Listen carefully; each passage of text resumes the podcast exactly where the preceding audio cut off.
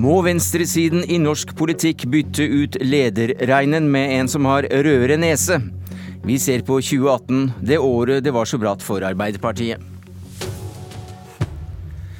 Ja, hvordan vil du beskrive situasjonen eh, for det rød-grønne prosjektet nå, Mimir Kristiansson? Du er nyhetsleder i Klassekampen.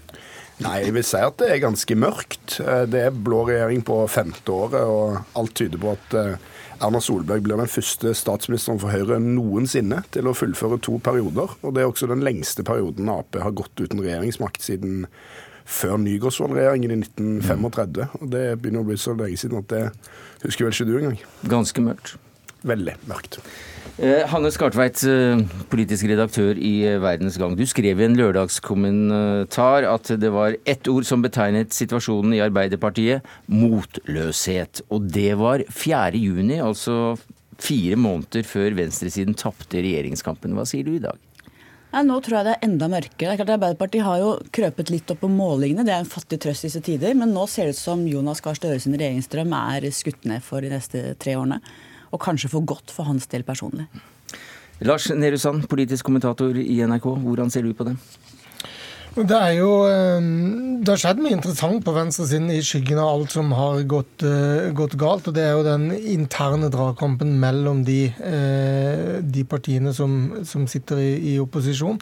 Uh, før, eller, før, sommeren var det en veldig sterk kannibalisering på venstresiden som ødela enda mer, ved at Rødt, SV og Senterpartiet hovedsakelig tok fra Arbeiderpartiets velgere. Nå har de klart det som de bør ha som får inn mot neste valg, nemlig at partiene kan vokse samtidig.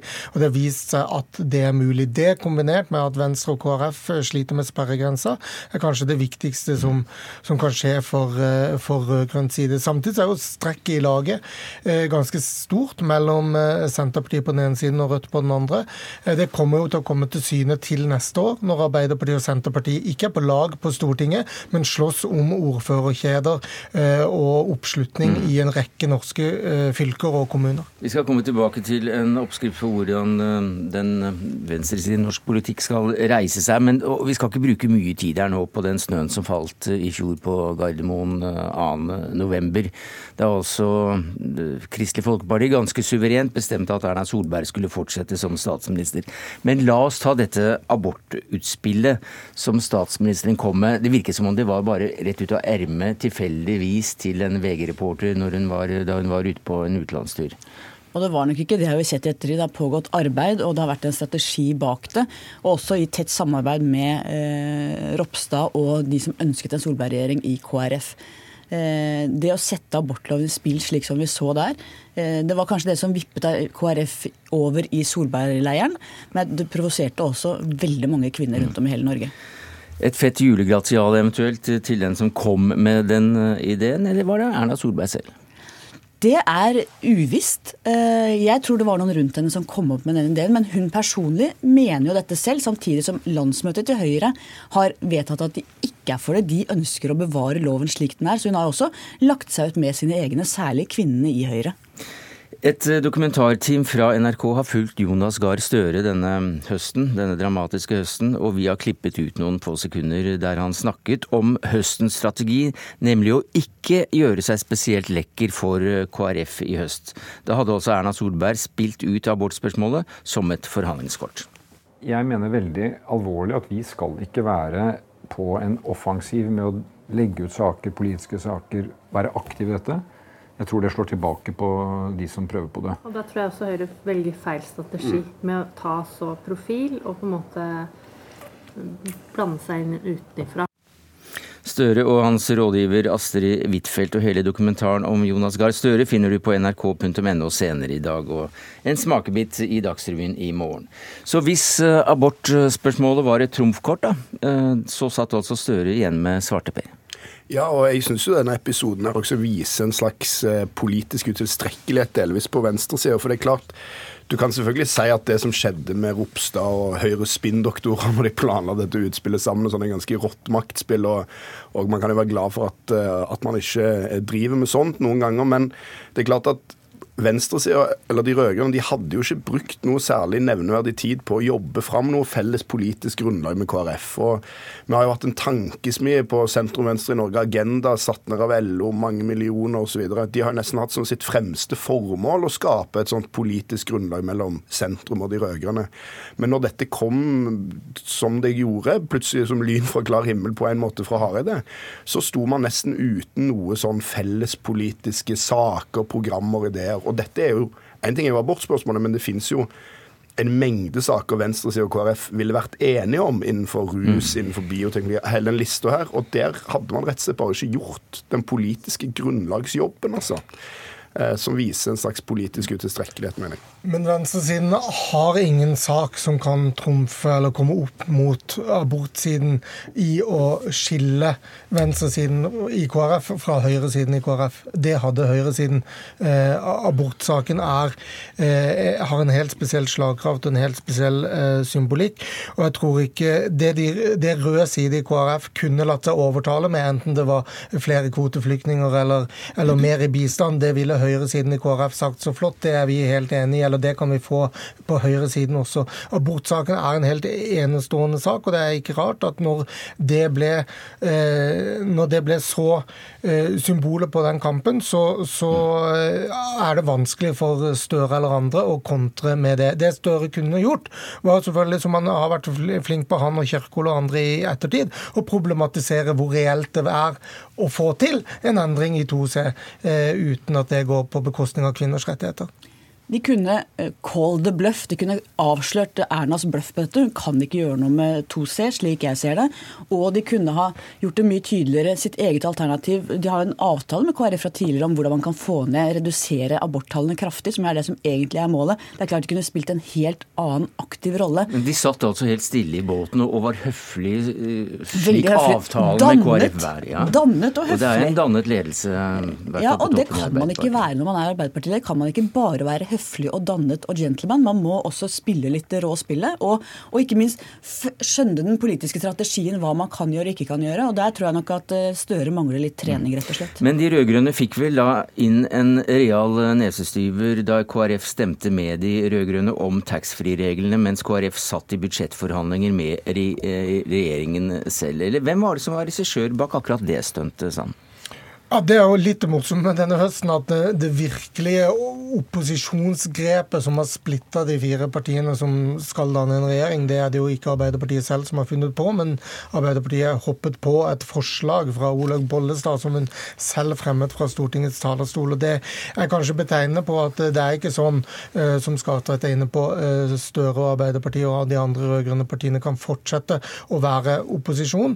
Uh, nå skal det jo være det til en, en flertallsregjering. Eh, så da er det kanskje tydeligere hvor, hvor grensen går. Så det var et slags selvskudd og ikke en snedig snare? Absolutt.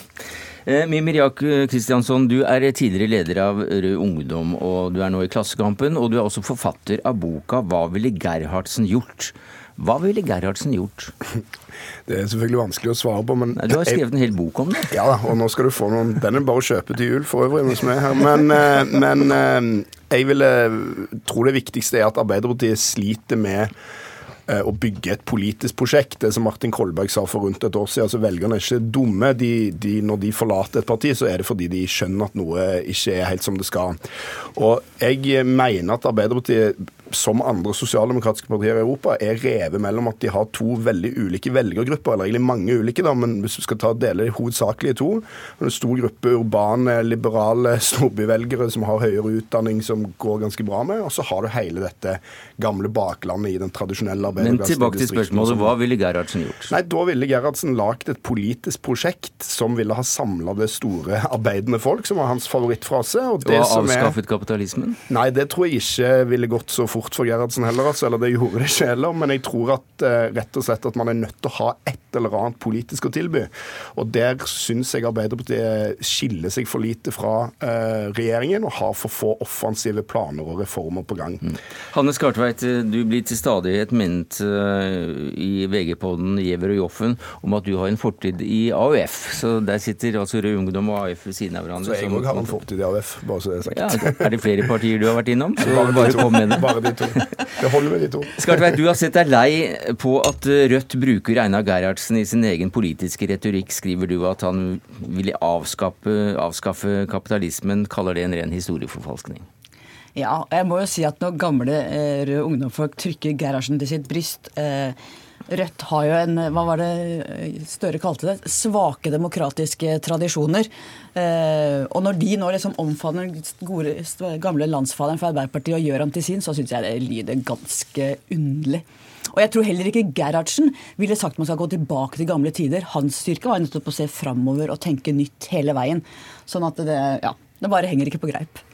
Altså, Jeg aner ikke hva Rødt driver med og mener, så det kan ikke jeg ta ansvar. Jeg har ikke vært med i det partiet på åtte år. Men jeg kan si at Arbeiderpartiet er i krise, og da er Arbeiderpartiet nødt til å granske sin egen suksessoppskrift. Fordi Arbeiderpartiet har jo ikke alltid vært i krise. Arbeiderpartiet hadde jo en periode etter krigen hvor de styrte landet i 20 år i strekk med et par ukers mellomrom. Og den som drev fram det prosjektet, var Einar Gerhardsen. Så min påstand er at Arbeiderpartiet i dag har noe å lære av Einar Gerhardsen, og merkelig nok så provoserer det mange tidligere AUF-ere som Hanne Skartvedt. Det er ikke tvil om at Arbeiderpartiet er i krise. Der tror jeg mye mer, og jeg er helt enig. Eh, men noe av problemet er jo at Høyre og Erna Solberg har spist seg inn på Arbeiderpartiets retorikk. Erna Solberg uttaler seg tidvis som en sosialdemokrat om barnefattigdom, om arbeidsliv. altså det er Høyreregjeringa bruker jo en retorikk som ligger tett inn på, på, sentrum, som gjør det vanskeligere for Arbeiderpartiet å markere seg tydelig. Samtidig som Arbeiderpartiet aldri har likt å være i opposisjon. Arbeiderpartiet kler mye bedre å være i posisjon. Og nå ser vi etter fem år er frustrasjonen enorm. De gjør det bra på meningsmålingene. Antagelig skyldes det mest av alt Erna Solbergs eh, abortutspill. De det kom inn fra valgkrise, så fikk de metoo. Det er et parti som ikke har klart å samle seg igjen. Og det, det må de løse hvis de skal klare å komme ut av det. Men Jonas Gahr Søre sier til eh, Dagbladet i dag at denne høsten har vært kjempebra. Ja, da syns han kanskje det, da.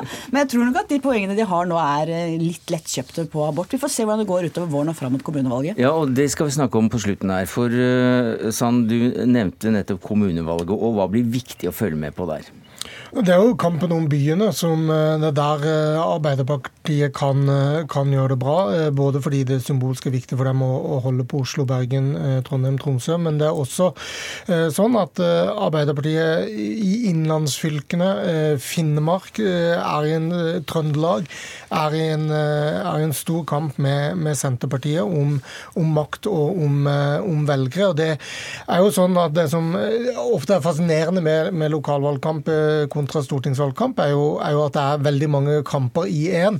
Eh, og Arbeiderpartiet kan ikke kjøre eh, ett budskap og én eh, strategi, de heller. Men de må Og der får du virkelig synliggjort det, det urbane Arbeiderpartiet og, og resten, som har ulike frontlinjer, ulike tematikker, og, og som hver på sin måte må, må, kjempe for makt og gjennomslag. Ja, Det kan vel da bli litt surt akkurat når det gjelder regjeringssamarbeidet, da, etter en opprivende valgkamp til neste år om, om kommunalpolitikken? Ja, Det blir i hvert fall eh, noen av de tingene Arbeiderpartiet må tenke nøye gjennom hvordan Hvor hardt de skal gå mot Senterpartiet? Ja, Flere steder så vil jo det være viktig å gå hardt mot Senterpartiet, mm. fordi det er Senterpartiet som er hovedkonkurrenten om ordførerkjedet. Eh, mens andre steder så, så, er man eh, på lag. Og, det, og, og Høyre er hovedmotstander. Og det, det, er jo noe Arbeiderpartiet må, må finne ut av hvordan de skal løse. Eh, vil eh, Jonas Gahr Støre lede Arbeiderpartiet ved neste stortingsvalg? Det tror jeg, men det, alt handler om hvordan det går eh, i høst. Det er det som er hans eh, skjebnevalg, egentlig. For hvis det går veldig dårlig da, så tror jeg han må gå. Men Arbeiderpartiet har ikke så mange andre åpenbare lederkandidater klare. Så det er ikke så stor eh, vilje, tror jeg, for å bytte han ut. Husker, Jeg må nesten avbryte her, for vi nærmer oss slutten her, Kristiansson. Men husker du hva Støre svarte da du, Hannes Gartveit, spurte hva han kommer til å bli husket for? Du, du spurte han i din egen pod. Det husker jeg ikke. Du må hjelpe meg. det var han som opplevde en kraftig nedtur, men som kom tilbake. Ja, det var det. Ja. det Vil han komme tilbake? Det er nok hans håp. Det kan hende, men som Mimmi sier, det er helt avhengig av hvordan det går i kommunevalget. Og da sammenlignes han jo med et ganske bra kommunevalgresultat for snart eh, fire år siden, som kan bli et problem for han eh, nå. 36,9. Det hadde vært en drøm for Arbeiderpartiet i dag. Ja, ikke sant. Om dette blir historiens dom, det får vi ikke med oss her, for Politisk kvarter er slutt. Nyhetsmorgen fortsetter etter Dagsnytt klokka åtte. Jeg heter Sverre Tom Radøy.